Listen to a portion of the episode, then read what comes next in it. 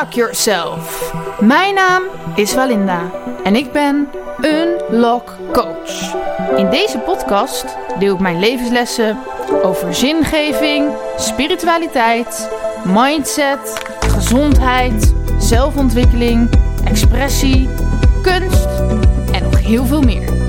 Ook interview ik inspirerende mensen over deze onderwerpen. Dus, luister je mee? Dus, ik heb weer een inspirerend mens in mijn podcast. Oh, wat een eer dat jij mij een inspirerend mens vindt. Wow, I'm blessed. Goed, wie, eh, wie ben je? Ik ben Doortje. Mhm. Yes. En eh, ik ben eh 30 jaar. Ik ben onlangs 30 geworden. En, Gefeliciteerd, ik ben ook 30. oh, dankjewel. Ben Ja, jarig? 20 november. Oké. En ik riep al drie weken van tevoren Mhm. dat ik 30 was. Omdat ik dat natuurlijk heel stoer vind. Want ik zie er heel jong uit, vind Mhm. ik zelf. Ja, is ook. Dankjewel. dus als je dan zegt dat je 30 bent, ja, dan kan je al meer verantwoordelijkheden aan. En dan voel je je gewoon van binnenuit wat meer vrijer. Ja, Oké, dus je vindt het leuk om 30 te zijn? ik vind het fantastisch om 30 te Oké, zijn. cool. Ja, ik, ik eh, vind het een beetje moeilijk. Want ik voel me van binnen nog 21 of zo. En dan ben je opeens 30, weet je wel? Ja, ja dat, eh, dat herken ik ook wel, eh, zeker. Maar weet je, blijf gewoon voor altijd van binnen 21. Ja. Maar goed, ik heb natuurlijk ook wel eh, levenswijsheden. Niet alleen van iemand van 21, gelukkig. Nee, precies. Maar, ehm, daar mogen we heel dankbaar om zijn, hè, dat we wijzer worden. Ja. Excited! Maar eh, hoe zou je, je, je, je omschrijft jezelf dus als Doortje. Ja, Is dat, Dat wie is je mijn- bent? dat is mijn naam. Ja. En ik ben vernoemd naar mijn oma. Aha, Eh, dat is de moeder van mo- mijn eh, mama. aha. En ik heb een Nederlandse mama en een Indische vader. En mijn oma die was een paar weken voordat ik geboren werd overleden. Hm. En vandaar dat ik Doortje heet, omdat haar naam Dora was. Ah, leuk. En heb je nog eh, broers of zussen? Ja, ik heb een broer. Eh, hij is 41, als ik het goed heb. Oh, Ronnie, vergeef me als ik je leeftijd verkeerd heb eh, genoemd. En ik heb een halfzus Oké. van vaders kant. En die broer is wel eh, helemaal... eh, Ja, helemaal. En die halfzus is dan e- iets ouder, de- eh, zeg maar eerder dan jij geboren. Ja, veel eerder. Ook veel eerder dan mijn broer. Want ik ben 28. Mijn broer is dan in de 40. En, Je zei net dat je 30 was. 28. Wow, ik ben in de tijd blijven hangen. Ja, ik ben 30. nou, dat is in ieder geval een goed teken. Want mijn onderbewustzijn die... Oké, 30 dus. 30, Ja. maar ehm, wat is je missie op deze aarde? Heb je die? Nou, ik heb het nooit zo eh, geciteerd eh, op papier. Maar mijn missie op aarde is om, eh, om liefde te zijn. En licht te zijn. En andere mensen ook dat gevoel te geven. Mhm. Dat we het allemaal, dat we allemaal van dezelfde bron afkomstig zijn. Ongeacht wat voor politieke overtuiging je hebt, wat voor religie. Mhm. Welke spirituele, van welke spirituele traditie je vandaan komt. Van welk referentiekader. Toch En- wel die eenheid. En hoe weet je dat je dat bent, zeg maar? Eh, wat je wat bent. Liefde, licht, hoe, eh, hoe kwam je daarachter? Dat, je liefde, dat ik liefde en licht ben. Door in het, in het diepste, mo- eh, meest eh, duistere momenten onvoorwaardelijke liefde te voelen en te ervaren. Ja, en voel je dat ook echt altijd? Ja, in mijn hart. Cool. Ja, tuurlijk, ik, tuurlijk ben ik wel eens bang. Mhm. Tuurlijk heb ik eh, verdriet. maar om, da- om dat soort momenten te voelen, dat ik... Dat er van me gehouden wordt. Mhm. En dan maakt het helemaal niet uit welke rol je aanneemt. Of je nou een bedelaar bent of een koningin. Of een godin zoals jij, want ik vind je een godin. Ah. Ehm, ja, maar dan heb je dat dus gewoon altijd. Ja. En zelfs natuurlijk heb je onzekerheden en Mhm. angsten. Ehm, heeft iedereen, heb ik ook. Maar dat je dan op dat soort momenten zelfs gewoon die liefde kan voelen. En dat het er allemaal mag zijn. Dat alles er mag zijn. Mhm. Maar ik heb ook wel eens, als ik me heel rot voel of zo, dan uiteindelijk, als ik terugkijk, zie ik wel van... oh ja, er, er waren mensen voor me of mensen hebben me geholpen. Maar in dat moment zelf voelt het soms alsof, alsof je helemaal... Ja, hoe zeg je dat? Alsof je geen licht en liefde bent. En alsof er helemaal niks is wat voor je zorgt. Of, snap je? Ken je dat Mhm. gevoel ook? Eh, ja, tuurlijk. ja, ik ken dat gevoel wel. Dan noem ik dan godsverlatenheid. Ja. En dat mag er dan ook gewoon zijn. Mhm. En omdat er juist alles mag zijn, kan ik die liefde van binnenuit voelen. Ja. Cool. Ja. en ehm ja, ik zit even nu, nu- ik heb, want ik voel wanneer vo- voelde je dat, maar eh, is er zeg maar een moment geweest dat je dat je niet zo spiritueel was of niet zo geloof? Dat ben je natuurlijk altijd, maar dat je nog niet dat bewustzijn had. Nou, ik kan het me niet voorstellen, want ik was van jongs af aan al gefascineerd door eh, spiritualiteit en zingeving. Eh, mijn oma zag ik daar heel erg als een voorbeeld. En eh, ik ja, het is gewoon echt met de paplepel ingegoten. Ik ging met haar altijd al naar eh, eh, kerken vanuit verschillende denominaties. maar ook de moskee, de boeddhistische tempel, hindoeïstische tempel. Zij sprak daar met alle verschillende mensen. En dat heeft me zo geïnspireerd. En ze, ja, ze was ook overal welkom.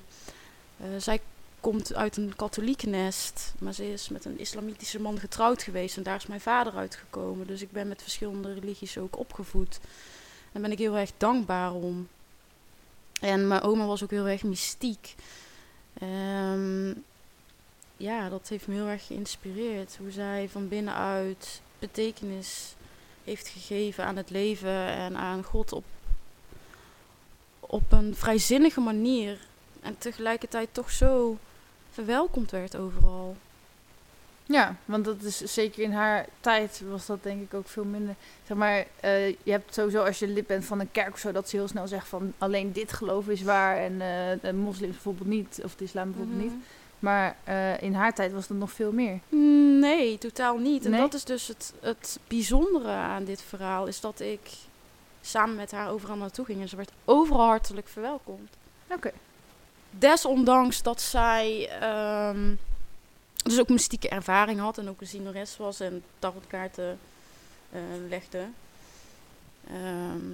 Nou, dat was wel heel erg leuk, want dan werden we bijvoorbeeld door een bedrijf uitgenodigd, een groot bedrijf, waar we dan ook gratis konden eten, een groot Chinees restaurant. En er was ook een zakenman, de eigenaar daarvan.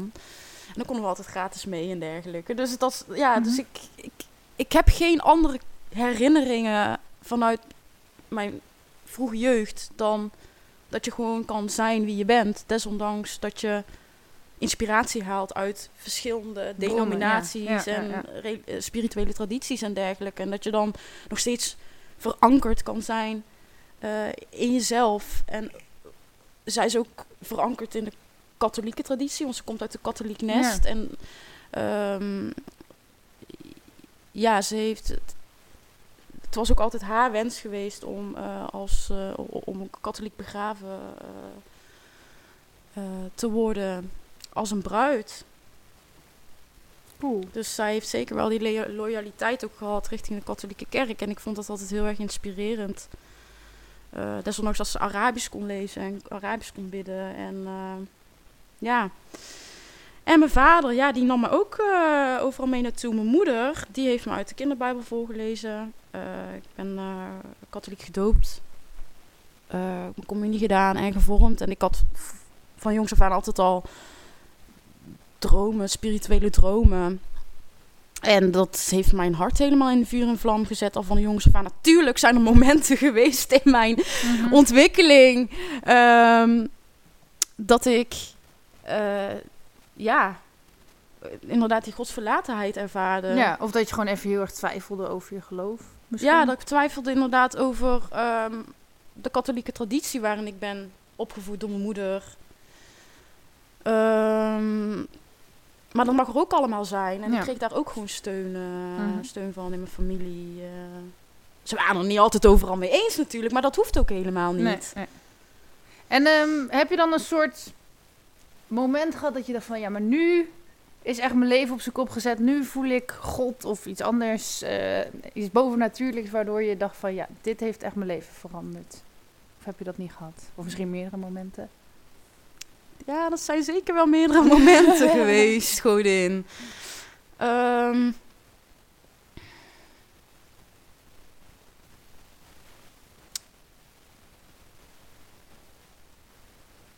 dat heeft mijn leven helemaal op zijn kop gezet. Het is toch wel de coronacrisis. Mhm. Ja. Want wat is er toen gebeurd? ja, toen al die beperkingen kwamen, toen was ik daar heel erg op gefocust. Mhm. Ik was meer gefocust op de beperkingen dan wat ik had. Ik denk bijna iedereen. en toen? Wat, wat heeft dat je... Ehm, nou ja, ik ging natuurlijk ook eh, verder kijken dan mijn neus lang is, dan wat NOS mij vertelde. Dus ik ging ook wetenschappelijk onderzoeken lezen. Ik ging ook uh, um, waarschijnlijk ten bronnen lezen om en omdat ik eraan twijfelde, is dit allemaal wel zo realistisch als we kijken naar het fysieke aspect van Christus. Wat ik heel erg belangrijk vind. Mhm. Dat mensen verbinden met elkaar ook op fysiek niveau. Dat we eten met elkaar kunnen blijven delen, het brood en wijn kunnen delen met elkaar. Ja, dat vind ik heel erg belangrijk. Dus ik heb ook ten tijde van de coronacrisis heb ik dat ook, ben ik dat ook blijven doen. Ben ik op Mhm. straat geweest en uh, heb ik samen met mensen uit, uh, gegeten.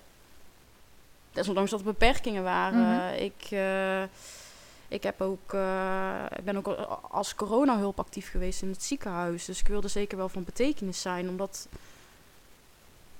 ja, ik ervaarde wat voor impact het had op mij. Ja, wat voor impact heeft het dan onder de, de zwakste in de samenleving? Ja. Als we kijken naar de daklozen of de mensen die uh, gegrepen zijn door. Nou ja, daklozen zaten in ieder geval niet opgesloten in hun huis. maar het, het, Ja. het, het, het ding was, dus ik zette me daarin dus. Daarin dus um, ja, ik zette me, zette me daarvoor in. Maar tegelijkertijd verloor ik ook heel veel uh, medestanders en heel veel vrienden en heel veel uh, familieleden. Um, die toch een andere. Ja, een andere perspectief hadden op de coronacrisis. En voor mij, ja, in mijn ogen mag dat het allemaal zijn. Alleen ik, werd kreeg heel erg het gevoel dat mijn stem niet gehoord werd, omdat ik voor een, uh, ja, waar voor een wappie uit werd gemaakt. En dergelijke. Dus ik heb wel echt het gevoel gehad dat ik geen onderdeel meer uitmaakte van de samenleving. Desondanks dat ik me voor die sa samenleving aan het inzetten was. Mhm. Ja, dus dat heeft me wel. Daar heb ik, daardoor, heb ik wel, daardoor heb ik me wel heel erg eenzaam gevoeld. Toch wel op sommige momenten zo eenzaam dat ik zoiets had van ja, maar heeft het leven dan nog wel zin? En toen? Ja, blijven geloven in de liefde en in God. Dat, uh, dat, dat God je altijd nabij is. En uh, je gaat kijken welke mensen wel, je wel steunen. Uh, die er wel voor je zijn. En ik ben, ik ben ook gaan demonstreren. Ook om me te verbinden natuurlijk. Mhm. En om samen een, een statement te maken. Ik weet nog, op 8 oktober 2020 was het, geloof ik. Ben ik gaan demonstreren op het plein in uh, Den Haag met 89 andere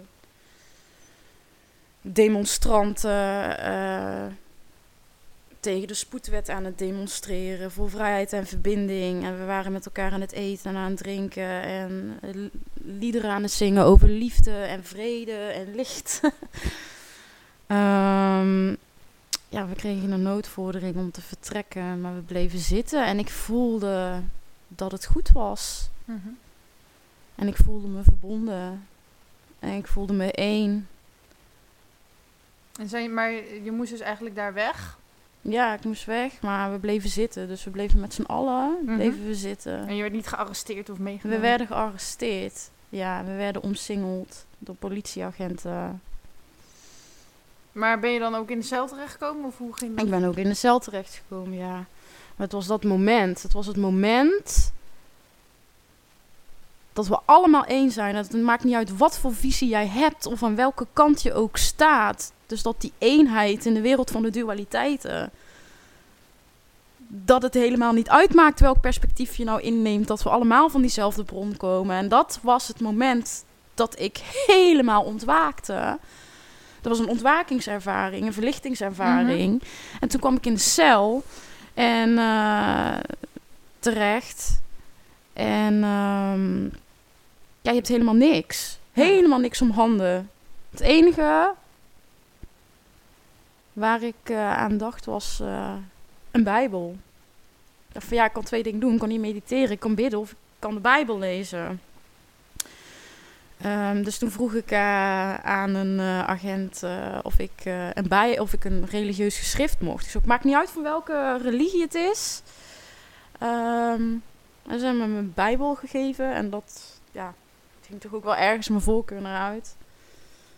Ehm, dus ik had een Bijbel gelezen en ik had precies de juiste versen gelezen. En toen werd het me helemaal duidelijk dat ook de overheid door God gezonden is.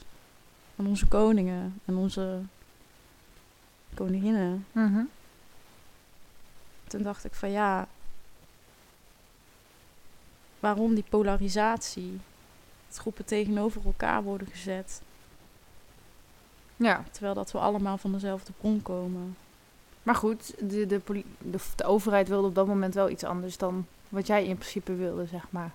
Ja, maar dat, dat, ik kwam er dus uit. En ehm, ik, had nog steeds zeg maar, dezelfde visie. Dus ik, liet ik, ging niet, ik deed niet aan zelfopoffering Nee, nee. of zo. eh. We zijn allemaal één, ik gooi mijn visies aan de kant. nee, die, eh, die niet. Ehm, ik, bleef, ik bleef volhouden in het, eh, in, in, ehm, het verdedigen van mijn visie. Aan de hand van, van wetenschappelijke bronnen. Omdat je natuurlijk eh, aan de kant wordt gezet als eh, wappie en het... eh, wat wij dan zouden zeggen, dat zou op conspiracy-theorieën zijn gebaseerd. Nou ja, in mijn geval dus niet. Ik kwam met cijfers, ik kwam met wetenschappelijk onderzoek en ik ging ermee door. En tegelijkertijd ook die eenheid benadrukken. Dat het oké is dat je een andere visie hebt. Dat het oké is dat je een andere overtuiging hebt. Mhm. Dat wil niet zeggen dat, er- dat je dan geen vrienden meer kan zijn. Dat je niet meer in verbinding met elkaar kan staan. Ja. Dus, ehm, ja. En uiteindelijk raakte ik mijn eh, baan kwijt als coronahulp. Omdat ze hadden vernomen dat ik eh, demonstreerde. En alles viel weg. En ehm, ja, ik, eh, het, van het een kwam het ander. Op een gegeven moment raakte ik dakloos. Wow, dat is wel helemaal eh, in de coronatijd dakloos. Ja, En toen? Want Nou ja, ik wacht even, studeerde want je woonde nog- eerst in... Welke plaats woonde je? ik woonde eerst bij mijn moeder. Oké, Ja, ik woonde eerst bij mijn moeder. In, eh, in de buurt van Tilburg. maar die heeft je op straat gezet. Of hoe ging dat, zeg maar? Ehm, nou, eh, zo letterlijk ging het ook weer niet.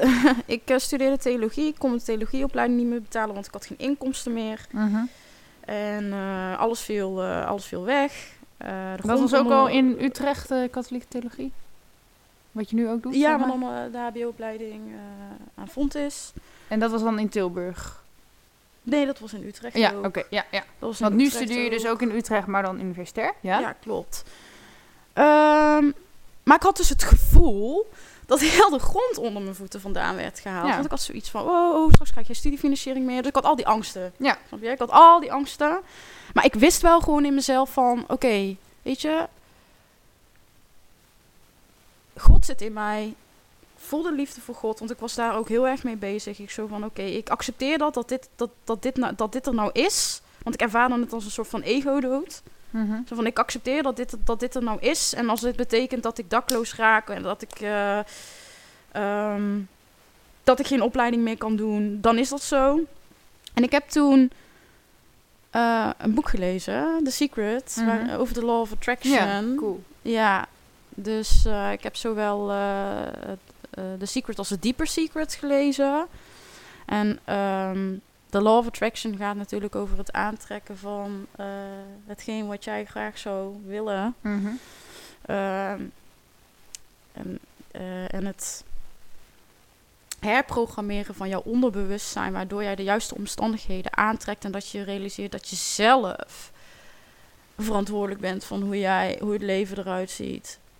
In Ja. plaats van dat je slachtoffer bent van alles wat er om je heen Ja. gebeurt en wat je overkomt. Ehm, en de diepe secret, dat gaat nog een laag verder. Daar, gaat daar gaat het heel erg om van, hé, hey, en stel al valt het al helemaal weg. Mhm. Dan, als je dan nog steeds kan intunen op dat, op dat oneindig bewustzijn. Zelfs als heel de wereld om je heen. eh, zelfs als er rampen gebeurt of zo. Dat je dan desondanks, als, desondanks dat, in dat oneindige bewustzijn, dat die eeuwige liefde van God, dat je daar altijd in kan tunen. No matter what's happening. Mhm. Ja, dat, dat, dat heeft me zoveel kracht gegeven. En, toen heb ik Mhm. een boekje gekocht. Mhm. En ik ben eh, in de marketing gaan werken. En ik dacht van ja, weet je, ik ga gewoon affirmeren wat ik allemaal wel niet. eh, het, ik ga gewoon affirmeren wat ik allemaal wil bereiken. Ik dacht, ik begin gewoon met kleine stapjes.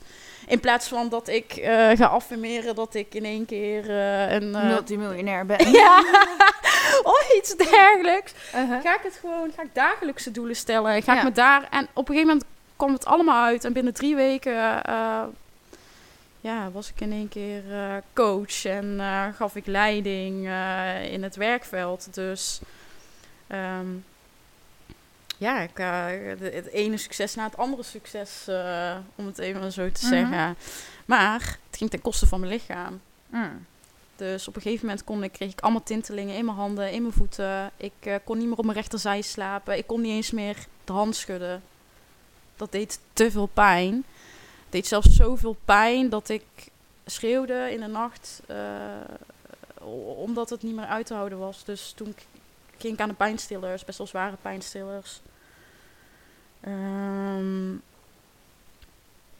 en toen dacht ik van ja, ik kan niet meer, ik kan niet meer in de, ik kan niet meer in de marketing werken. Dat kan gewoon niet. Ik kan het gewoon niet. eh, ik moet even naar mijn lichaam luisteren, want ik was dakloos. Ja. Binnen drie weken eh, was ik eh, in één keer, had ik in één keer een leidinggevende functie. Ik verdiende supergoed. Mhm. Ik had helemaal niet naar mijn lichaam en, mijn- en naar mijn lijf geluisterd. Ik wilde per se niet in de uitkering, want ik wilde gewoon zelf voor mijn geld werken. En ik had zoiets van, ja, ik, ik moet zo snel mogelijk uit deze dakloze periode.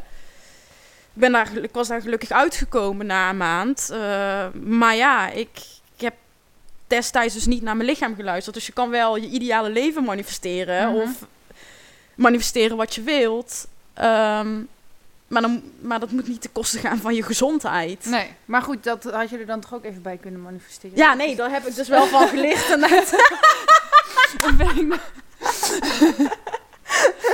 maar Ja, be careful what you're wishing for. Ja, ja, ja.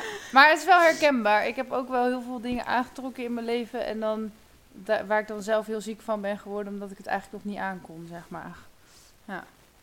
Dus eh, ja, ik dacht van, yo, wow, wa- en wat moet ik nou, weet je wel? Want ik, ik, ik ben net uit mijn dakloze periode en zo. En dat was volgens mij een paar maanden daarna dat ik in één keer, eh, dat ik fysiek instortte. Ehm, in mei volgens mij, in ieder geval in de vroege zomer. dat ik fysiek instort. En, dat kan, ja, en ik dacht van, volgens mij begin ik ook gewoon weer depressief te worden. Gewoon van de pijn. Dat ik het leven niet meer zie zitten. Ik zo, hoe kan dat nou? Dat ik het gewoon weer ervaar. Dat wat, in de, wat, dat wat ik in de coronacrisis heb meegemaakt. Dus ik mag al mijn affirmaties daarop aanpassen. Puur op mijn gezondheid. Every cell in my body is brimming of love, light, beauty. and supreme health. I'm ultra healthy en top fit. Ik, ik affirmeer in het Engels ook. ehm, omdat ik heel erg veel inspiratie haal ook uit eh Engels sprekende manifestatiecoaches. Ehm, maar toen dacht ik van ja, ik, dat ik heel erg op mijn gezondheid moet gaan focussen. En ik heb een ziekenzalving gehad. Ik heb een katholieke ziekenzalving gehad. En dat was het moment dat alles shifte. Hmm. Dus ik ging affirmeren, ik ging sporten, ik had die ziekenzalving gehad. Ik heb, eh, ben aan de chiropractie geweest, ik ben acupunctuur, dat is alles voor mijn gezondheid. Ja. Ehm, nou, mijn beste vriend heeft me daar ook heel erg bij geholpen. Ik ben wel gaan werken, maar ik ben ander werk gaan doen. Dus ik ben in de logistiek gaan werken. Weer, een- weer hetzelfde verhaal. Was daar weer drie weken in het magazijn aan het werken. Na drie weken zat ik op het kantoor. De voorraadadministratie. Dus zo kan het lopen, hè. Mhm. Dat, Ehm, ja, en toen, en toen kwam het. Toen ben ik in, bij de BSO gaan werken. Toen had ik daar ook een hele verantwoordelijke functie. Dus eh, toen was ik, eh, dacht ik sociaal-cultureel werker. Mhm. ik, eh, en hoe kan dat dan, hè? Nadat je dakloos bent geweest en, eh, en ehm, in de cel hebt gezeten en dergelijke. Maar dat kan dus gewoon, want ik ben ook sociaal-cultureel werker. En ik heb natuurlijk ook... eh, ja, ik heb natuurlijk ook wel gewoon eh, veel werkervaring opgebouwd voordat, voordat, voordat ik theologie ging studeren, Ja, omdat ik sociaal-cultureel werker ben. Dus ik heb daar Mhm. ook een en al succes in behaald, als ik Mhm. het zo, zo mag Ja, zeggen. ik Ehm, ben nog wel benieuwd naar dat dakloos zijn. Van, ehm, ehm, eh, sliep je echt op straat of sliep je bij vrienden? Of hoe je dat nou, ehm, dus je was een maand dakloos. ja, het was de coronacrisis, dus ik, dus ik, eh, ik heb wel eh, contact opgenomen met familie en vrienden, maar ja, die, die waren natuurlijk ook bang voor corona Mhm. en ik stond met iedereen in contact. Dus ja, dat was best wel. ja, ik heb wel momenten gehad dat mensen niet in mijn buurt wilden zijn, omdat ik. omdat ze bang waren dat ik. Corona zou hebben, omdat ik met veel mensen in contact sta. Mhm. Eh, of dat veel buiten kom en dergelijke. En demonstreerde en dat soort dingen. Dus dat. eh, en ja, mijn moeder die zat in de uitkering. Dus ik kon niet. ehm, als, zij- als ik bij haar ingeschreven zou blijven staan, dan zou, zou zij. En ik zou geen baan hebben omdat ik dakloos ben. Ja, dat, dat, dat wilde zij niet riskeren. Dat, omdat dan een groot gedeelte van haar uitkering. Mhm. eh, dus die. Die, die die voelde de- grond onder haar eigen bodem, voelde ze onder haar vandaan eh, getrokken worden. ja. Dus zij had zoiets van, ja, dochtertje, ga maar op eigen benen proberen te staan. Maar waar sliep je dan? In het daklozencentrum. Echt? Ja, eerst Wow. ja, in het daklozencentrum in een eh, oude gevangenis in Tilburg. Dus in een cel. Dus toen dacht ik van, weer in een cel. En ook echt gewoon, echt, echt, echt, ja, eh, met tralies en zo en alles. Dus toen dacht ik van, moet ik nou weer in een cel? Weet je wel, god, waar, waar, waar- ben ik nou weer in terechtgekomen? Ja, bizar. En, maar daar heb je een maand geleefd, dus in een dakloosopvang. Ja, En hoe kwam, daar krijg je wel te eten dan ook? om en nabij. Ja, en ik was super dankbaar. Want ik, ik was dus met de Law of Attraction bezig. Dus ik was altijd heel erg high frequency en dankbaar voor al het eten en voor alle goede zorgen, weet je. Uh-huh. Want het is wel, in, dat in die omgeving, want ik hoefde echt helemaal niks te betalen. Nee. Kon ik wel even in, in binnen een maand even eh, op mijn eigen benen staan, snap je? Ja. Zonder dat ik mijn moeder te la- eh, tot last... eh, want zij, zij heeft ook reuma, ze heeft allerlei lichamelijke, lichamelijke klachten. Waardoor zij dat simpelweg niet aan kan om een dakloze dochter bij haar thuis te hebben die, ja, die voor haar, van haar zorg vraagt, terwijl dat zij zelf zorg nodig Mhm. heeft. Mhm. Dus ehm, ja. Maar ja, er wel mooi van ehm, dat je eigenlijk zelfs het diepste punt van de samenleving hebt meegemaakt. Toch? Of, of kan je, ja, je kan nog dieper door echt op straat te gaan leven, maar... Nou ja, kijk, ik, ik, ik heb heel veel inspiratie gehaald uit de verhalen van de heiligen. En ik, dacht, en ik vond het oprecht super mooi om te ervaren eh, dat het. Dus om die verlichting te ervaren, of die eenheid met God te ervaren, die liefde van God te ervaren, zelfs terwijl dat je dakloos bent. Mhm. En ik, ik kan me nog goed voorstellen dat er dus bedelaars waren, ook van het daklozencentrum. En ik dacht, ik ga gewoon een dag met hen meelopen, ik ga het voelen, ik ga het doen. Eh, niet omdat ik het. Ik, ik, ik, ik, ik werkte in de marketing, dus ik had het geld gewoon. Hè, want het was gewoon op een vrije dag. Ik dacht van ja, ik ga het gewoon doen. Ik ga het gewoon voelen van, van wat is dat eh, om, eh, om dat zo op die manier te doen. Die nederigheid ook en die bescheidenheid. En dat, dat, eh, dat, wordt heel erg op neergekeken vanuit de samenleving. Mhm. Ja, want dat vind ik ook wel van... ehm, we, ja, we denken inderdaad heel vaak van... Oh, managers zijn hoger, of de koning, of weet ik veel, de president. maar uiteindelijk zijn we natuurlijk gewoon allemaal hetzelfde. Het is alleen, we spelen alleen allemaal een andere rol. Een andere rol inderdaad. En je krijgt niet altijd allemaal evenveel geld ervoor. Maar voor de rest ben je eigenlijk gewoon precies hetzelfde. Ja, inderdaad, zijn we allemaal hetzelfde. In, eh, precies. En het is zo gek dat we dan die ene rol zoveel meer respecteren dan die andere rol eigenlijk. Ik zeg je eerlijk, ik, heb, Mhm. me, eh, ik heb me ontzettend bevrijd gevoeld. Ja, Juist om in die rol te kruipen. want je hoeft ook niks meer op te houden of zo, denk ik. Nou ja, kijk, je wordt, je wordt al uitgekost door de samenleving omdat je een wappie bent en omdat je dakloos bent. Ja. Ehm, dus ja, wat heb je te verliezen? Je kan alles doen, je kan alles roepen. Je, ja, snap je? ja. Ehm, dus je voelt je heel vrij. Ja. En dat maakt je ook ontzettend gelukkig. Je gaat er helemaal van stralen. Ja, nee, dat is echt zo. Zou je Dus niet ik- gewoon nog een keer dakloos willen worden? Nou, nee, nee, nee, nee, nee, absoluut dat niet. Nou, dat niet. eh. Maar, ehm, dus, ik, dus The Secret, hè, dat boek, Ja. dat heeft er uiteindelijk voor gezorgd dat ik dan, dat ik wel eh, weer op eigen benen kon staan. Ja. Dus, eh, Maar wat... wat ehm, en ik heb ook hulp Mhm. gekregen natuurlijk, hè, van Ja, mijn beste vriend. En, eh, want je, want ik, ja, je staat er toch niet helemaal alleen voor. En ehm, ook... ehm, ja, ook van een ba basisschoolvriendinnetje waar ik dan eh, kerst mee kon vieren ook. En, eh, en ik kon natuurlijk wel voor kerst bij mijn moeder terecht. Dus dat, dat was allemaal oké. Maar ik ben wel heel erg dankbaar dat het zo, he- zo, heeft, zo, is, ja, zo, zo is gelopen. Mhm. Ja. Ja. En, en ik, schaam me er ook niet voor. Nee, hoeft ook niet, toch? Nee. Maar het is wel een apart verhaal. Ik denk niet dat heel veel studenten opeens eh, dakloos worden, zeg maar. Nee, ik denk ook niet dat heel veel studenten in de cel belanden omdat ze een andere mening hebben. over, eh, Ja. Terwijl dat ze gewoon vreedzaam. Ik heb gewoon daar vreedzaam gezeten. Ik heb nog niet eens mijn stem verheft. En ehm, na, na een maand in de marketing werken kon je dus weer een huis huren, kopen. Ja, en ja, ik heb dus samen met mijn beste vriend heb ik de, hebben we een studio eh, eh, gehuurd. Dus dat was heel erg fijn. En eh, toen is het allemaal weer goed gekomen. Nou, mooi. Ja, zeker. En, maar heb je nu alles, nou alles is wel veel, maar aangetrokken wat je zou willen in je leven?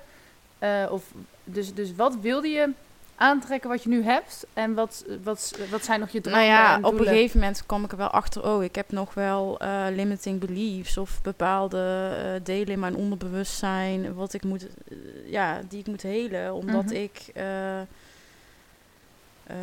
wel het een en ander heb meegemaakt. Dus ik heb allerlei plantenmedicijnen ceremonies gedaan, zoals ayahuasca, San Pedro, truffelceremonies, cacao ceremonies. Ik heb heel veel gemediteerd. Ik heb hypnosetherapie gedaan om die innerlijke blokkades op te heffen. Mhm. Dus, eh, want je kan wel affirmeren totdat je een ons weegt, maar als je nog bepaalde ehm, blokkades hebt die je moet bevrijden, helen, dan eh, is het wel aan te raden om hypnosetherapie te doen of in therapie te gaan. Dus ik ben ook naar een gewone psycholoog gegaan hoor. Ehm, om, dat, om dat allemaal te helen. En ik, ja, ik eh, moet zeggen dat ik er zonder diagnose uit ben gekomen. En dat ik het allemaal via planten... Ja, het meeste heb ik via plantenmedicijnen gedaan. En, eh, en meditatie en gebed. En toch ook wel affirmeren. En ja, En ehm, wat, eh, dus misschien een hele gevoelige vraag, maar wat had jij allemaal te verwerken dan, zeg maar? Ik bedoel dan die daklo dat dakloos zijn en dat je in een cel zat? Of was er nog veel meer van vroeger wat je te verwerken had? Ik heb wel een aantal dingen vanuit het verleden. Mijn ouders zijn ook gescheiden op jonge leeftijd. Dus ik had wel inderdaad een aantal dingen die ik, eh, die ik moest verwerken. Ja, ook eh, gepest geweest op een middelbare school. En eh, best wel ja, intense dingen. En kijk, heel veel mensen die bijvoorbeeld de Law of Attraction net ontdekken. En die dus zoiets hebben van... Oh ja, je moet alleen maar positief denken. We moeten allemaal pos- positief denken. Ja, dat kan ook gewoon spiritual bypassing zijn. Van eh, Pijn. bepaalde pijnpunten waar je doorheen moet. Mhm. En ehm, ja, als je dat allemaal blijft negeren... Dan en, komt het eh, eh, uiteindelijk vanzelf terug. ja, dan komt, het uit, dan komt het uiteindelijk inderdaad vanzelf terug. En dan die je gewoon die stukken te helen. En iedereen, echt werkelijk waar, iedereen heeft microtrauma's of bepaalde blokkades. Echt gewoon iedereen. Het maakt niet uit wie of wat je ook bent. Eh, als je zegt van ja, ik, heb, ik ben al helemaal geheeld en ik heb alles al, alles al overwonnen. Ehm, ja, nee, dat, ik, denk zelf, ik denk zelfs de, de, de beste onder ons dat, dat iedereen altijd wat kan leren. En er valt altijd wel wat te leren, of wat te ontdekken. Of Mhm. eh, bepaalde stukken te helen. En als het niet vanuit jou is, dan is het wel in de samenleving. eh. dus er valt altijd wel iets. eh, er is altijd ontwikkeling mogelijk, denk ik. Oké. Ik heb nog niet helemaal de, het antwoord op de vraag: wat heb je nu in je, dus in ieder geval je huis en je studie heb je weer. Ja. Ehm, maar wat heb je nu in je leven aangetrokken wat je, wat je toen. nou, ik kan dus maar, mijn eh, opleiding betalen. Dat is fijn. dat is inderdaad heel erg fijn. En eh, ik, eh, ik heb vrede in mijn leven. Vrede met de mensen om me heen. Ik heb eh, superveel. Ik heb mijn netwerk eh, helemaal weer eh, opgebouwd. Ehm, bepaalde contacten weer met mijn familieleden. En ja, dat gaat hartstikke goed. ja, de, en dat, jij zegt dus dat is vooral gekomen vanuit die affirmaties. Ja, en, 100% mijn gezondheid. Ik, Mhm. ik heb mijn gezondheid, joh. Ik kan weer op mijn rechterzij slapen. Ik kan mensen weer de hand schudden. Ik heb geen trillingen meer, tintelingen meer in mijn handen en in mijn voeten. Heel mijn zenuwen zijn gekalmeerd. En hoe heb je dat dan gedaan? Dus dat is dan die, die Ja, plantmedicijnen. ik- die plantmedicijnen. Ik heb dus zo'n eh ziekenzalving gehad. ja, ja, ja. Ik heb eh, affirmeren, toch blijven affirmeren, gewoon door blijven gaan. Vertrouwen hebben, eh, overgave. ehm, Want ik heb zelf ook wel ehm, eh, nog steeds gezondheidsklachten, maar de afgelopen weken was het wel veel minder. Dus het gaat een beetje weg. En bij mij was het dus vooral. wat voor buik. Nou ja, je ziet het ook sowieso aan mijn huid, maar het was ook vooral mijn- mijn buik. Mhm. En ehm, eh, op een gegeven moment merkte ik dat ik zo graag gezond wilde worden, dat dat eh, bijna een obsessie was. Ja, en dat is ook lastig als je de hele pijn hebt. Mhm. Maar dus dan was ik echt alleen nog maar gezond aan het eten en alleen nog maar eh, met yoga en weet ik wat. En op een gegeven moment dacht ik, misschien moet ik eens even gewoon helemaal niks doen. Ja, niet dat ik ermee gestopt ben, Ja. maar gewoon niet zo lopen streven naar die gezondheid. En toen op een gegeven moment ging het van, gewoon vanzelf beter of zo. Ja, dat kan ook eh, inderdaad zo zijn. Eh, dan zit je op de law of detachment. Maar aan de andere kant eh, heb ik ook ervaren dat zelfs al zou je ergens heel erg op gefixeerd zijn, Ja. dat, het je, dat je het nog steeds aan kan trekken. Oké. Maar dan ben je meer aan het creëren. Dus dan werk je met de law of assumption. Wat is dat? Mijn dus, Engels is niet super goed. dus dan gaat het om jouw aannames. ja. Het gaat om welke aannames je hebt. Ik bedoel, in de katholieke kerk wordt altijd gezegd... ehm, ik ben het niet waard dat gij tot mij komt, maar spreek en ik zal gezond worden. Ja. Terwijl dat elke manifestatiecoach wil zeggen... ja, je moet je waardig voelen om, om het leven te ontvangen die je wilt. Ja. Dat is dus niet zo. Het gaat, als jij gewoon ervan overtuigd bent, je overtuigingen, je aannames... dat jij gezond wordt of dat je gezond bent... Mhm. Dat, je dat, dat, je dat, dat dat je is gegeven van God, desondanks welke staat van zijn je hebt. Al ben jij eh, een dakloze die zich onwaardig voelt, al ben jij een koningin die zich eh, helemaal Mhm. waard voelt. Maakt het helemaal niet uit. Nou, met Ja, de love dus- assumption, assumption Mhm. is het ook zo. Want Ja. stel dat jij ehm, eh, een keer een dag hebt dat je niet zo hoog in je vibraties zit, dus dat je niet zo vrolijk bent, dat, dan, dan ben je het nog steeds waard om te ontvangen. Ja. Stel dat je de hele tijd bezig bent met eh, een één bepaalde affirmatie en je bent daar continu mee bezig, dan, ben, dan krijg je het gewoon nog steeds. Ja. Maar dan moet je dus inderdaad wel het durven ontvangen. Of, of durven, ja, hoe zeg je dat? Ervan overtuigd zijn dat je het gewoon krijgt. Overtuigd Hoe- je hoe. Hoe, je ook denkt of doet. zeg Wat, maar. Of je je desondanks lek mindset, desondanks feeling, desondanks dat je je waardig voelt of onwaardig voelt, het gewoon al, alle staten van zijn. Ja, die is echt wel fijn om te geloven.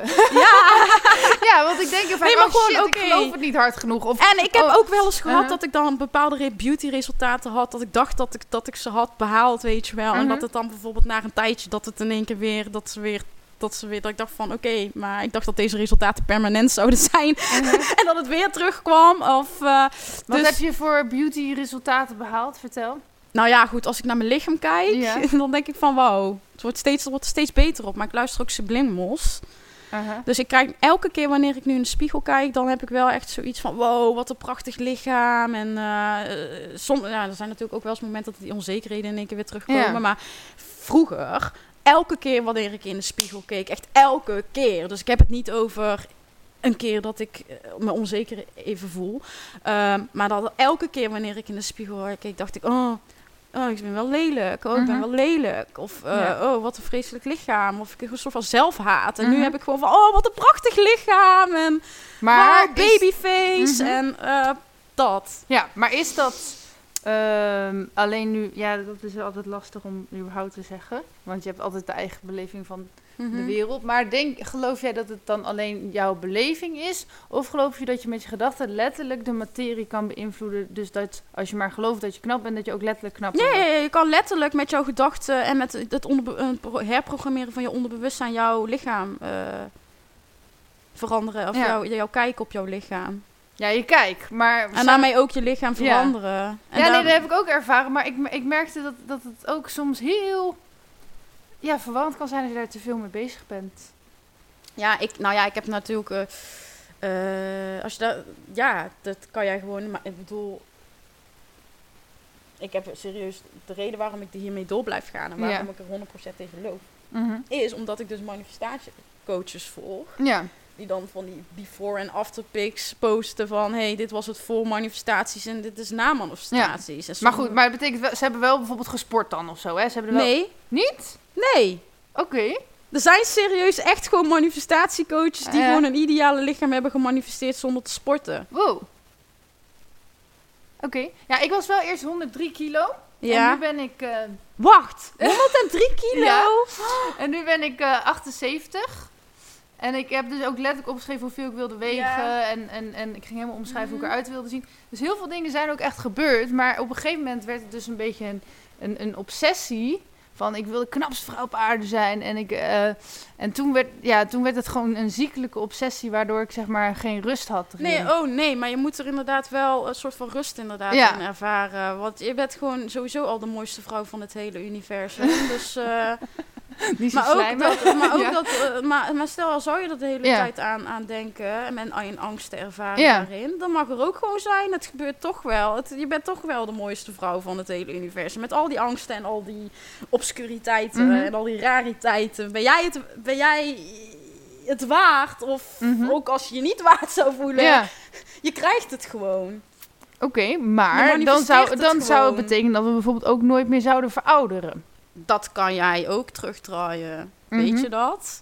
Je DNA kun jij ook ge- regenereren. Maar dan, ja, ik weet dus niet of ik daar nou echt tegen... Ja, ik zeg dus niet dat ik... Dat heeft dus dat, omdat je er niet in gelooft. Van weet je, limiting Mhm. beliefs. Maar stel dat je het wel Oké, zou maar dan zou, dan zou dus elke bejaarde weer 16 kunnen worden, zeg maar. Als ze het echt maar geloven. Ja. Oké, heftig.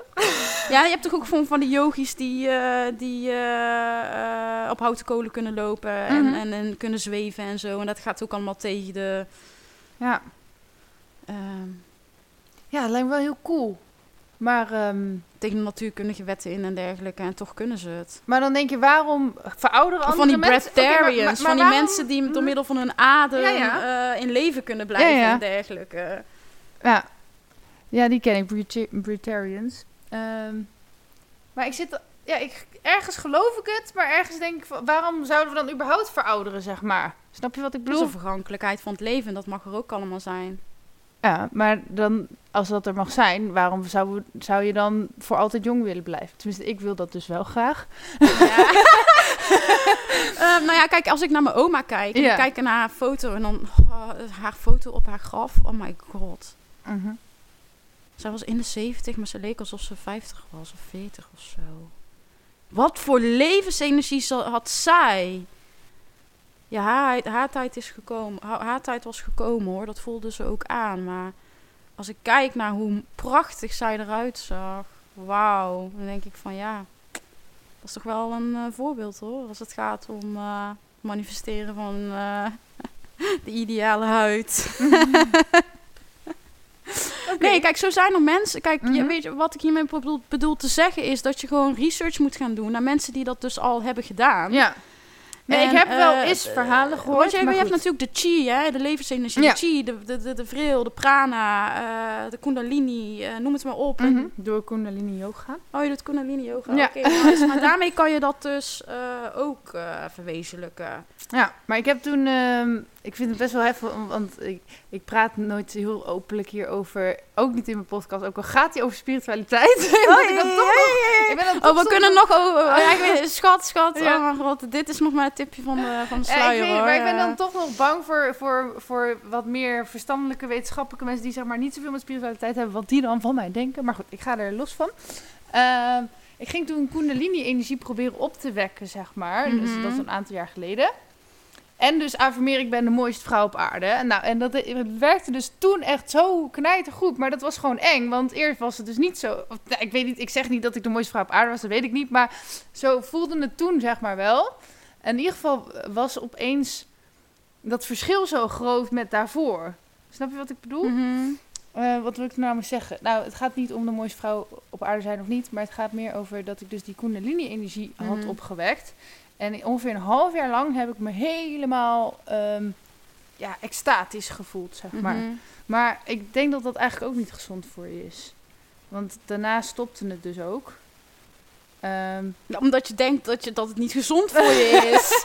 maar wat nou als je gewoon voelt van... hé, hey, dit mag er allemaal zijn. Ik mag me extatisch voelen. ja, oké, maar, maar als alles er mag zijn, dan moet je toch ook die negatieve gevoelens kunnen omarmen? Ja, absoluut. Die mogen er ook zijn. Kijk, oké, ik voel me 90% voel ik me extatisch. Ja. Eh, zel- zelfs als ik eh, zeg... Ik weet, oh, kijk, oké. Leg ik dit al even uit, want... Oké, BDSM. Ken je BDSM? Ja. Oké. Wat mij dat heeft geleerd, is Mhm. dat ik zelfs op de momenten Mhm. dat ik op mijn meest kwetsbaar ben... en op me echt, echt gewoon meest angstig, meest eh, nederig... ehm, dat ik zelfs op dat soort momenten, dat ik licht ervaar. Dat ik extase ervaar. Mhm. Zelfs op het moment dat ik fouten maak en dat ik dat bratty, bratty child ben of zo. Mhm. Zelfs op het moment dat ik, ja, eh, een beggar ben of zo. Dat je zelfs dan extase kan ervaren. Zelfs op momenten dat je angst ervaart. Van, oh, ik ben zo onzeker over mijn lichaam. En oh, ik heb nog dit te helen of dat te helen. Dat je dan... En op een gegeven moment kom je erachter van, net zoals wat een acteur zeg maar ervaart. Maar ik hou ook heel veel van acteren. Ik heb heel mijn leven geacteerd dat het een soort van shamanisme is. En dat dat er dus ook allemaal mag zijn. En dat je Mhm. zelfs in je rol, of wat, wat, je, wat je dan op, allemaal ervaart en zo, dat dat dan ook Ja. allemaal onderdeel is van het proces. En dat dat er ook mag zijn. Alle- Letterlijk je, wekt, je wordt helemaal tot leven gewekt. helemaal tot leven gewekt. Zelfs op de momenten dat je ziek bent en koorts hebt. En, en dan zoiets hebt van, ja, maar weet je, ik, ik ben nou ziek en ik heb koorts. En eigenlijk voel ik me nog steeds helemaal één met God.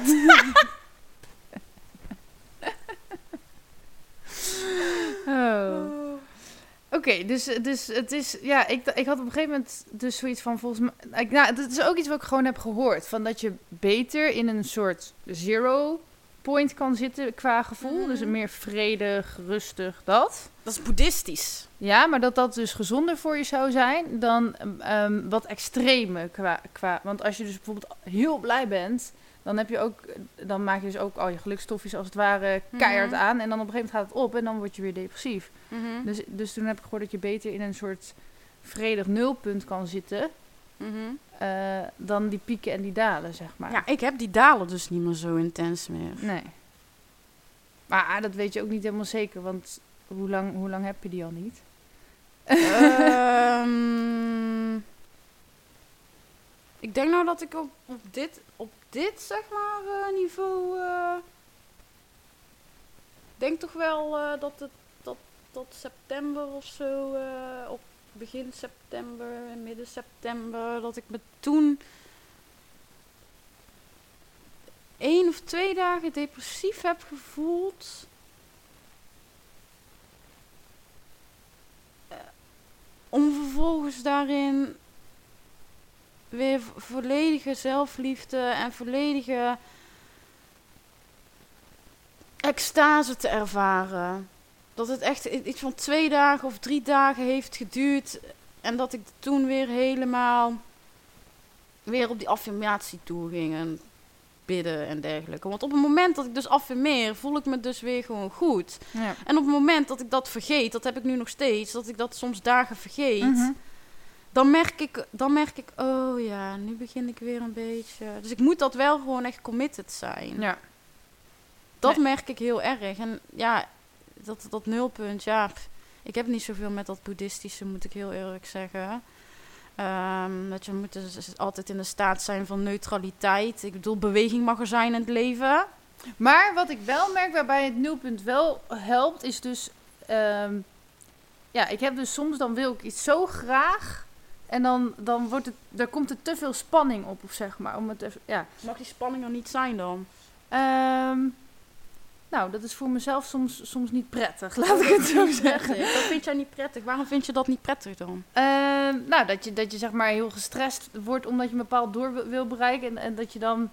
ehm, ja, dat je gewoon bijna ziek wordt van de stress omdat je een bepaald doel wil bereiken. En als ik dan even gewoon loslaat, dus ehm, ja, het veel meer neutraliseer. Ik hoop dat mensen dit nog kunnen volgen, maar Ja, dan, dan, Ik- dan ik- komt het uiteindelijk ook naar me toe. Maar dan he- heeft heb ja ik denk dat dit een beetje het verschil is. Ik, ik begrijp 100% wat je bedoelt. En Ja. dat doe ik ook. Dan ga ik dan in de void spa- void space en dan ga ik eh, mediteren. En dan ben ik in die leegte, in die on- dat oneindig bewustzijn waar ik het al eerder over had. Mhm. En die liefde, dan ga je weer terug naar dat... Maar ja, bij mij is dat liefde. Snap je? Want ik voel dat brandend hart van Christus dan, die, dan, Mhm. die dan mij roept om bij hem te zijn. Dus bij mij is dat, dat, dat, dat vuur, ook al, ook al is het koud, of ik, ook al is het... Dat, dat, dat, ja, dan... Stel, stel, ik kom in die leegte, in dat oneindig bewustzijn, zeg maar, in mijn, medi- me- eh, in mijn meditatie. En ik heb geen gedachten meer en ik heb geen stress meer. Mhm. Dan komt, desondanks dat ik dus in dat bewustzijn zit, komt Christus altijd met zijn liefde, met zijn genade, met zijn... En dan kan ik gewoon niks anders dan die liefde ervaren. Of dat... Ja, dan, dan, dan dat zeg maar te voelen en dat te ervaren. Maar je zegt dat welke spirituele stroming je ook volgt, maakt eigenlijk niet zo heel Nee, veel dat uit. maakt inderdaad niet uit. Maar dit is voor mij persoonlijk zo. En Mhm. eh, Love Attraction is heel erg met ontvangen te maken. En Ja. love, love Assumption heeft meer met creëren te maken. Mhm. Dus dan mag je ook gewoon, eh hoe weet het? Eh, dan mag jij ook eh, gewoon je eigen rot voelen eh, om te manifesteren wat je wilt. Je onwaardig voelen om te manifesteren wat je wil. Op de man afstappen om te manifesteren wat je wil. is toch net wat anders. Omdat het gaat om je overtuigingen. Ik snap je. Ik zit even. ehm, Als we nou moet, ja, als ik nou vraag, wat geloof jij nou letterlijk? Wat geloof je dan? Dat is nogal veel, denk ik. Maar ehm, bijvoorbeeld je godsbeeld. Waar, hoe ziet God eruit? Wat is God? Mijn godsbeeld is inderdaad wel een, eh, de, de, de meest barmhartige en de meest vergevingsgezinde. Dat heb ik ook getatoeëerd. Naast mijn borst, op mijn rib- ribbenkast. In het Arabisch. Dus dat is wel echt mijn godsbeeld. Dat het altijd genadig is. God is altijd genadig. Oké, maar is God een persoon? Is het een energie? Oh, God zit in alles en iedereen. En beyond. Mhm. En bijvoorbeeld Christus. Is dat dan iets anders dan God? Zit in jou. en mij. En in, zel- in die hond en in deze bank. Die is overal aanwezig. Ja. Dus, ja, ik, vind, ik, ik geloof dat ook wel, maar... mm, als je dan iets aan Christus vraagt, kan je het eigenlijk net zo goed aan mij vragen. Kan ook. Het is maar net welke Of de overtuigingen je hebt, schat.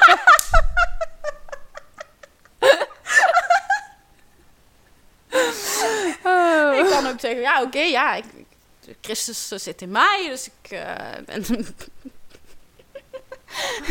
dus ik kan het ook aan mezelf vragen. Ja. het is wel een leuk spelletje. Ah, nee, nee, nou, maar weet je wat het is? Ik, hoef, ik, ik, ik geef hem wel over uiteindelijk aan de almacht van God. Hè? Dus Mhm. dat, dat, om even terug te komen over die overgave en dat loslaten en dergelijke. En dat diepe vertrouwen hebben in God. Dat ongeacht welke omstandig, omstandigheden. Daar gaat het uiteindelijk ook om. Ja. Maar waarom... ehm, Dus ondanks alle omstandigheden, of je het nou wel manifesteert of niet manifesteert, hè, dat gaat, daar gaat de diepe secret ook over. Hè? Dat, dat, dat je nog altijd dat innerlijk vuur. eh, dat dat altijd nog. eh, ja, daar gaat het uiteindelijk om. Dat je dan.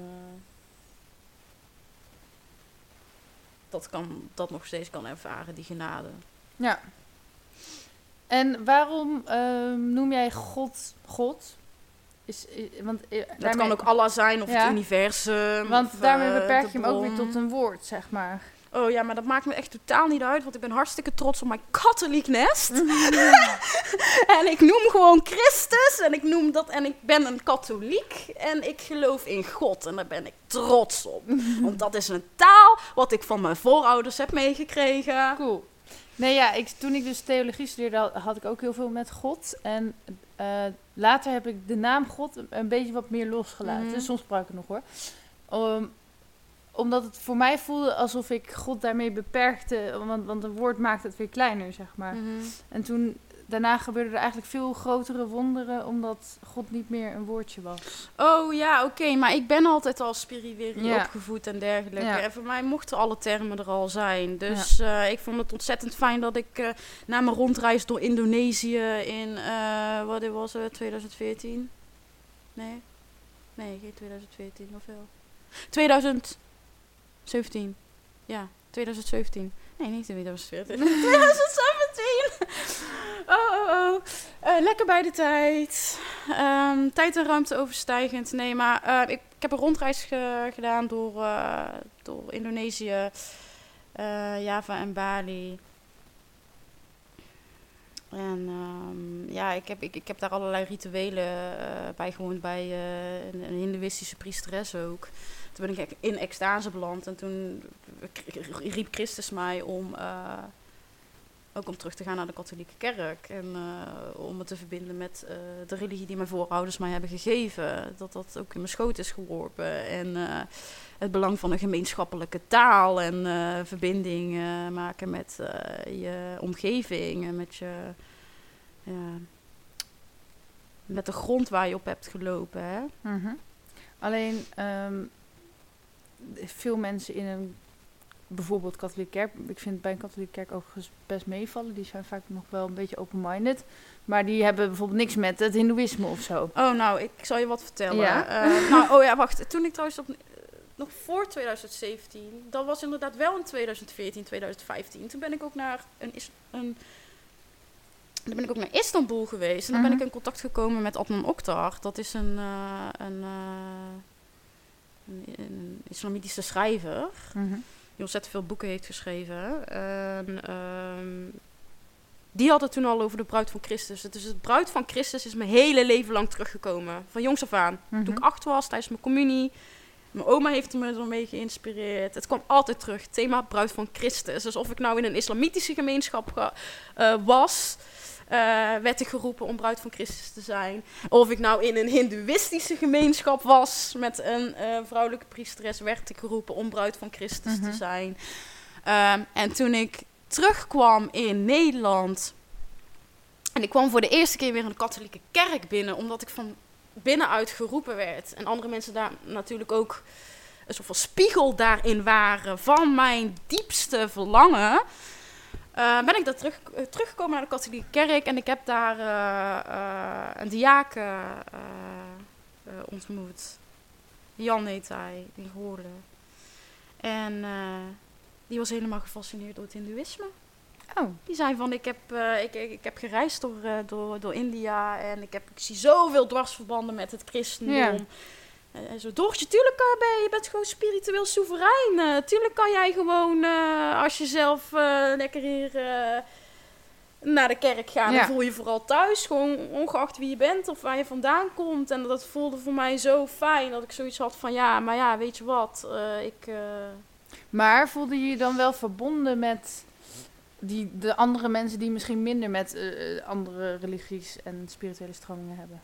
Ja, ontzettend. Dus vooral in mijn, in mijn, in mijn thuiskerk in Mhm. Goorlen. eh, we gingen daarna dan koffie drinken. Nou, ik heb me nergens zo vrij uit kunnen spreken als eh, in de parochie. Oké. En het maakt niet uit of je conservatieve idealen had, of progressieve idealen, of links of rechts was. Of, nee, dat, iedereen mocht altijd zijn zegje doen. En eh, er, was een, er was ruimte voor een grapje, er was ruimte voor, letterlijk voor allerlei gesprekken. Of het nou seksualiteit was, of het nou politiek was, of het nou de coronacrisis was. Het mocht er gewoon allemaal zijn. Alleen ik ben op een gegeven moment naar Den Bosch gegaan. En eh, ja, dat was weer een andere gemeenschap, super groot. En eh, ik moet zeggen dat ik niet zo heel veel mensen ken die, eh, die naar de kerk gaan, persoonlijk. Vind ik wel een beetje jammer. Ehm, maar ik heb wel gewoon mensen, katholieken, waar ik eh, mee naar de kerk kan, eh, kan gaan. Ja. Alleen ik verbind me gewoon met, ook met mensen buiten de katholieke kerk, omdat ik me één voel met Iedereen. alles en iedereen. Cool. Ja, en da- daarom vind ik de vrijmetselarij ook heel erg interessant. Mhm. Daar weet ik eigenlijk Ehm. veel te weinig over. Oh ja. ja, dat, de vrijmetselarij vind ik ook heel erg interessant. En ik kom al jaren eh, bij vrijmetselaars op bezoek. Dat vind ik zo mooi, omdat het niet uitmaakt wat voor politieke overtuiging jij hebt of welke religie. eh, samen ben je op dat eh, pad van ehm, spirituele ontwikkeling en zelfactualisatie. Eh, dat eh, aan de hand van symbolen en rituelen en dergelijke. Wat dan weer wel afkomstig is vanuit een traditie. Maar dat is dus ook wel mijn innerlijke fascinatie voor tradities. Ehm, ja, Maar kan je nog iets uitleggen over de vrijmetselarij? Of want dat moet eigenlijk ook geheim blijven of zo, toch? ja ik, heb daar, ik, ik ben niet geïnitieerd, dus kan je daar vrij weinig over vertellen. Maar ik kan je natuurlijk wel vertellen over dat mijn ayahuasca-begeleider een vrijmetselaar is. Oké. Eh, en dat ik verschillende ayahuasca-ceremonies heb gedaan. Hm. En ehm, dat, dat uiteindelijk een hele goede vriend van mijn vader, die dus is overleden. ehm, in 2013, 2014. Ehm, maar dat een, vriend van mijn vader dus ook een vrijmetselaar bleek te zijn. Dus op een gegeven moment, en dus die Adnan Okta, waar ik dus in 2000... Oeh, eh, Noem maar geen 15 getallen meer, ja. ik noem maar geen getallen meer, want oh mijn god, als ik het over getallen ga hebben, joh, oh, dan eh, kan ik het eh bos door de bomen niet meer zien. Dus eh, wiskunde was niet mijn sterkste vak. Ook niet het mijne.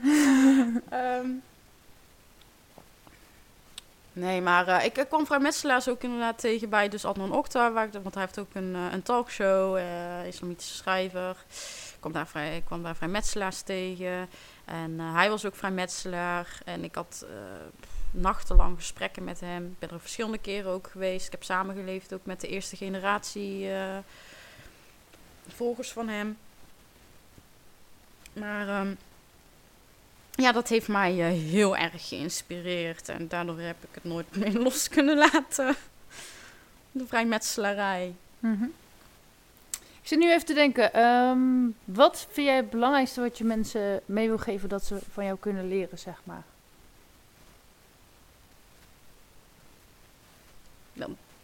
Dat alles mogelijk is en dat ze zichzelf, dat ze zichzelf, eh, dat ze zichzelf kunnen zijn.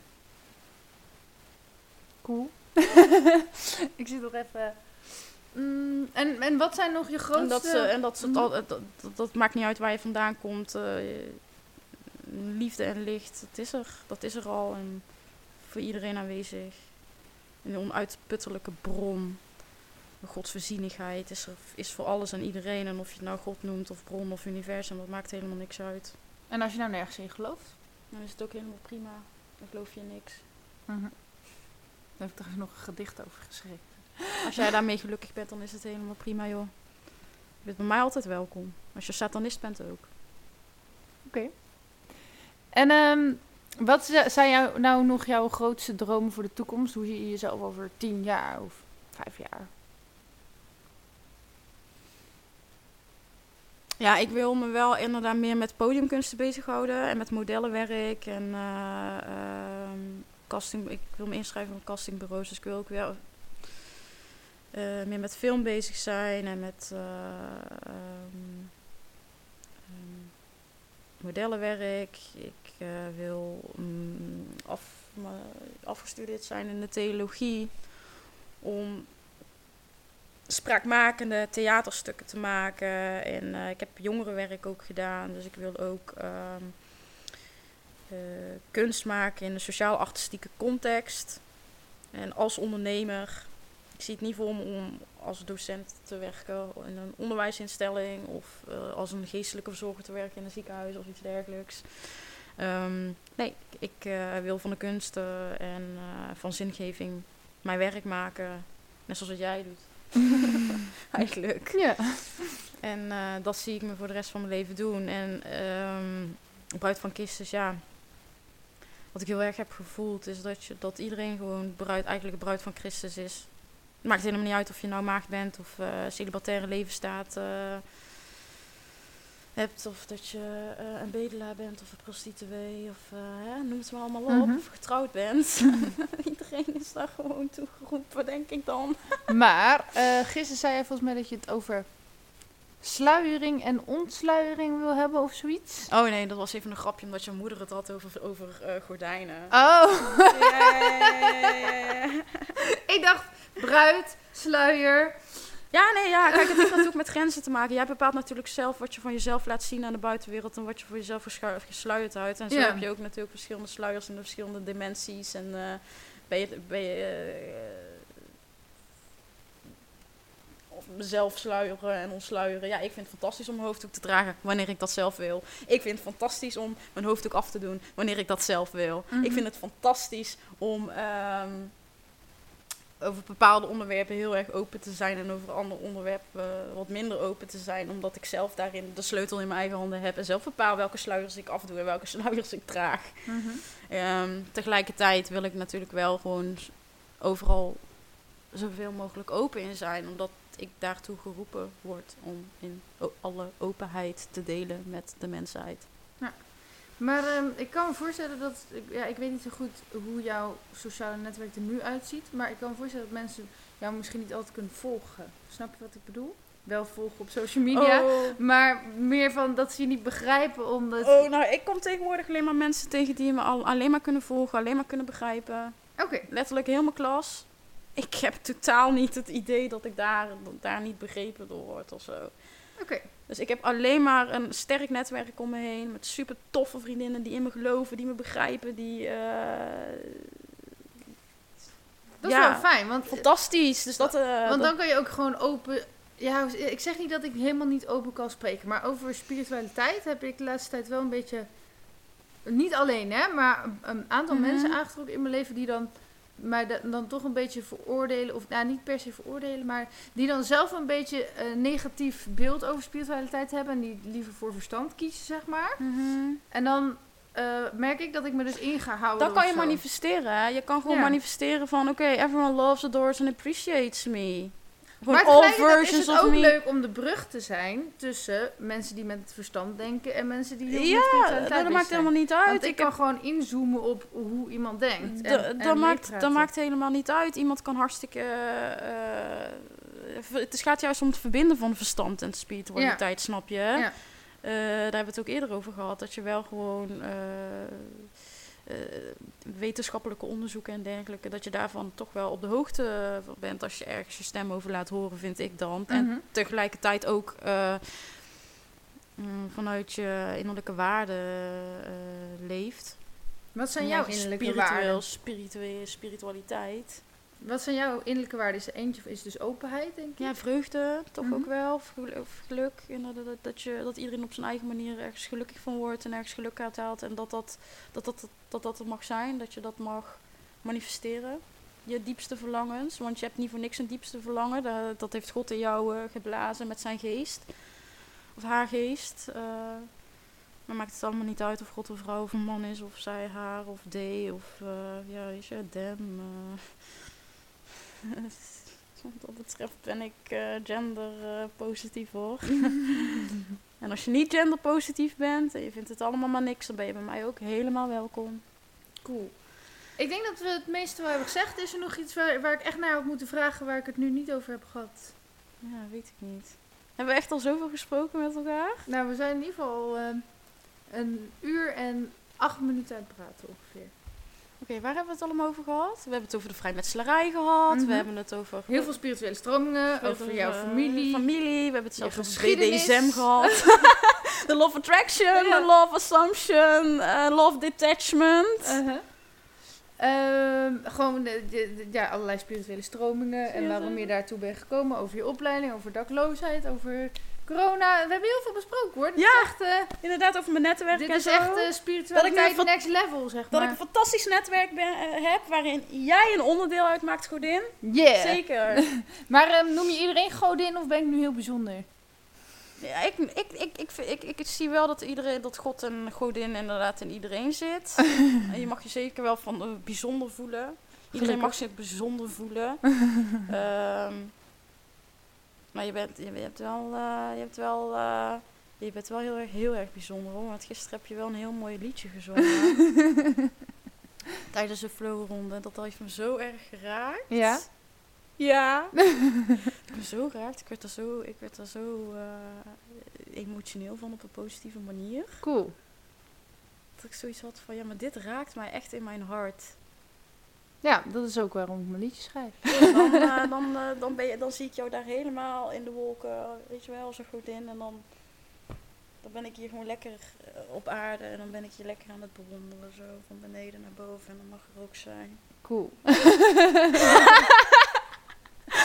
Ja, dat liedje, ja, dat staat nog op mijn Instagram, hè. Dat, Ja. Ja, je had een filmpje gemaakt, maar ik weet niet hoe ik dat er dan afkrijg. Maar ik heb gehoord dat Nee, maar ik bedoel, de exclusieve connecties, ja zeker, mogen er zeker wel zijn. Ik heb Mhm. een tijdje polyamorie en dergelijke, maar dat, eh, nou ja, toch ook niet helemaal mijn ding, denk ik. Vertel, waarom niet? nee, ik heb al... Het is heel grappig. Polyamorie komt, komt nu al meerdere malen in mijn podcast voor. Oh, echt? Ja. Dus eh, dat merk ik wel echt telkens als ik ergens mee bezig ben. ehm, ook al praat ik daar niet per se over. Op een of andere Mhm. manier heb ik dan altijd een gast die daar dan over begint. Of zo. Alsof het toch in je aura zit. Nou ja, kijk, weet je wat het is? Polyamorie, het mag er helemaal zijn en eh, het, is, het is fantastisch. Eh, je kan natuurlijk voor verschillende mensen liefde, liefde voelen, maar Ja. ik zie het niet zo. Ik zie het gewoon niet voor me om met verschillende mensen het bed te delen. Nee. Ik weet niet waarom. Ja, nee, maar ieder zijn ding toch? Ik kan het ook niet echt onder woorden brengen, maar het is denk ik ook een soort van gevoel. Mhm. Ja. Maar ik dacht, eh, toen ik um, laatst een van jouw posts las, klonk het alsof je eerst wel een beetje zo leefde en nu opeens minder of zo. Ja, ja, nou ja het, is, het is natuurlijk ook eh, wat je dus ook leest over polyamorie, is dat je natuurlijk per- periodes hebt dat je amoreuzer bent dan andere periode, eh, Mhm. periodes. Dat heb ik in het- ook van andere mensen zo, zo gelezen. Mhm. Ehm, maar ja, ik was dus inderdaad wel wat meer polyamoreuzer, maar dat wilde helemaal niet zeggen, want het was dan voor de buitenkant meer zo. Dat wilde helemaal niet zeggen dat ik met meerdere mensen bed deelde. Dus je praatte er heel veel over, maar je deed het niet.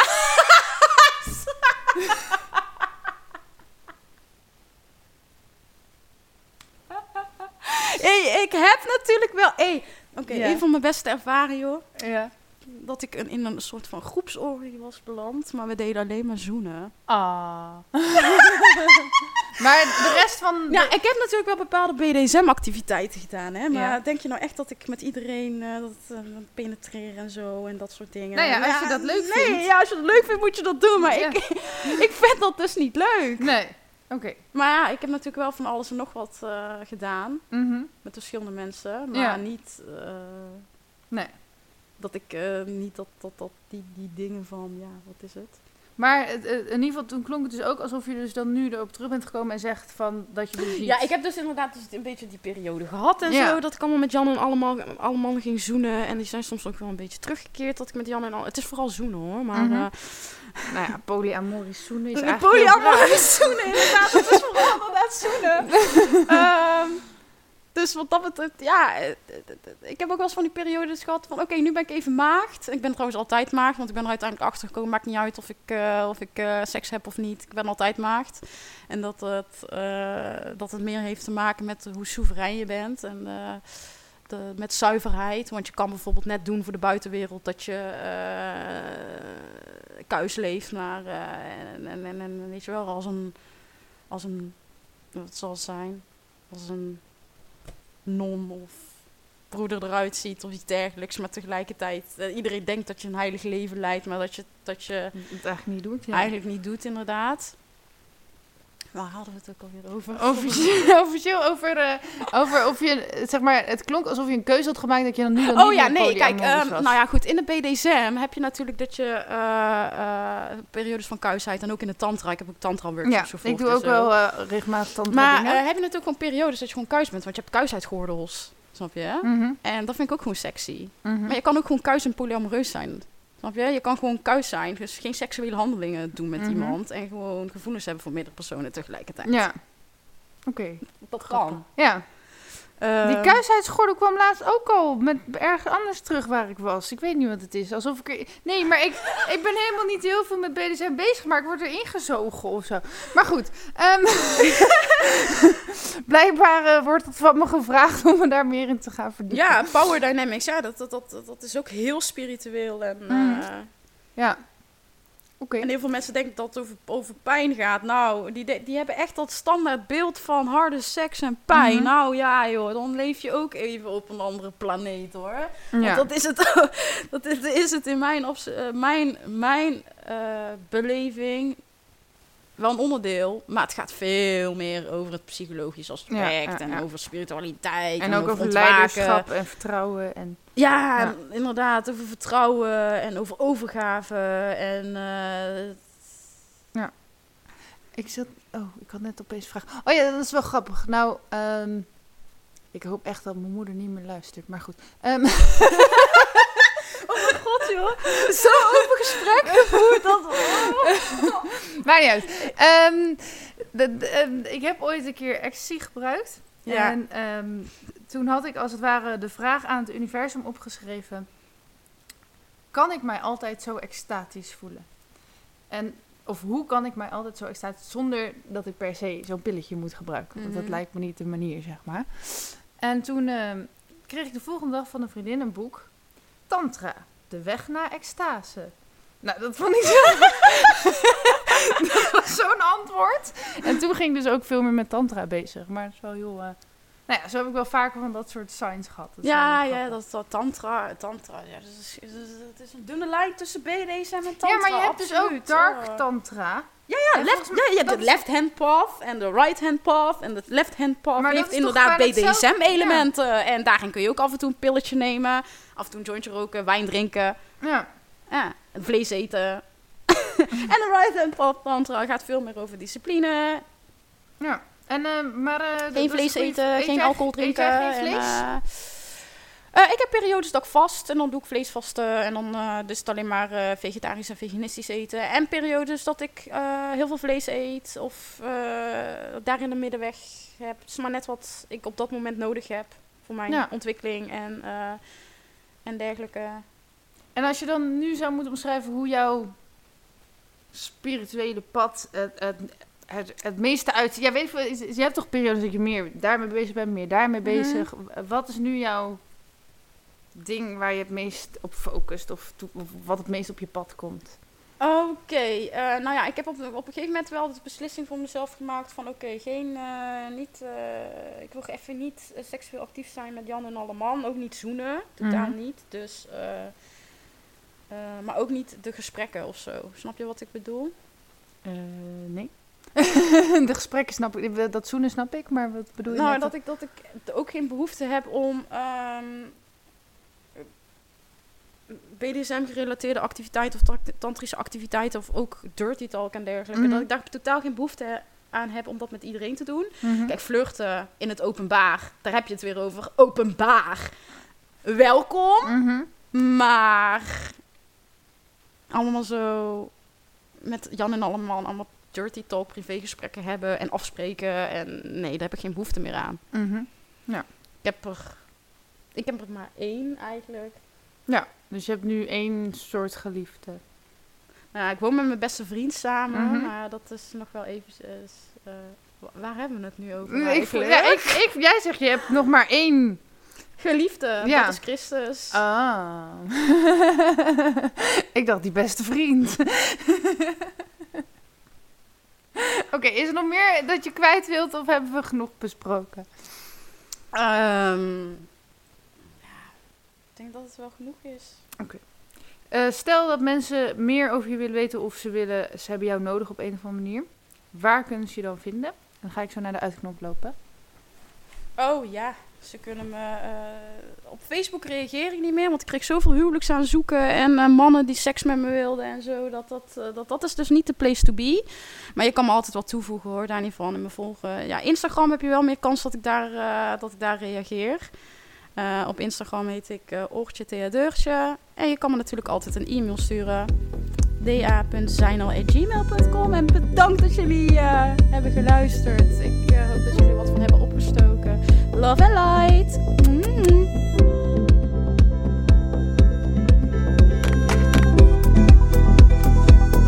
Meer weten? Ga naar belinda.nl of volg mij op Facebook en Instagram. Doei!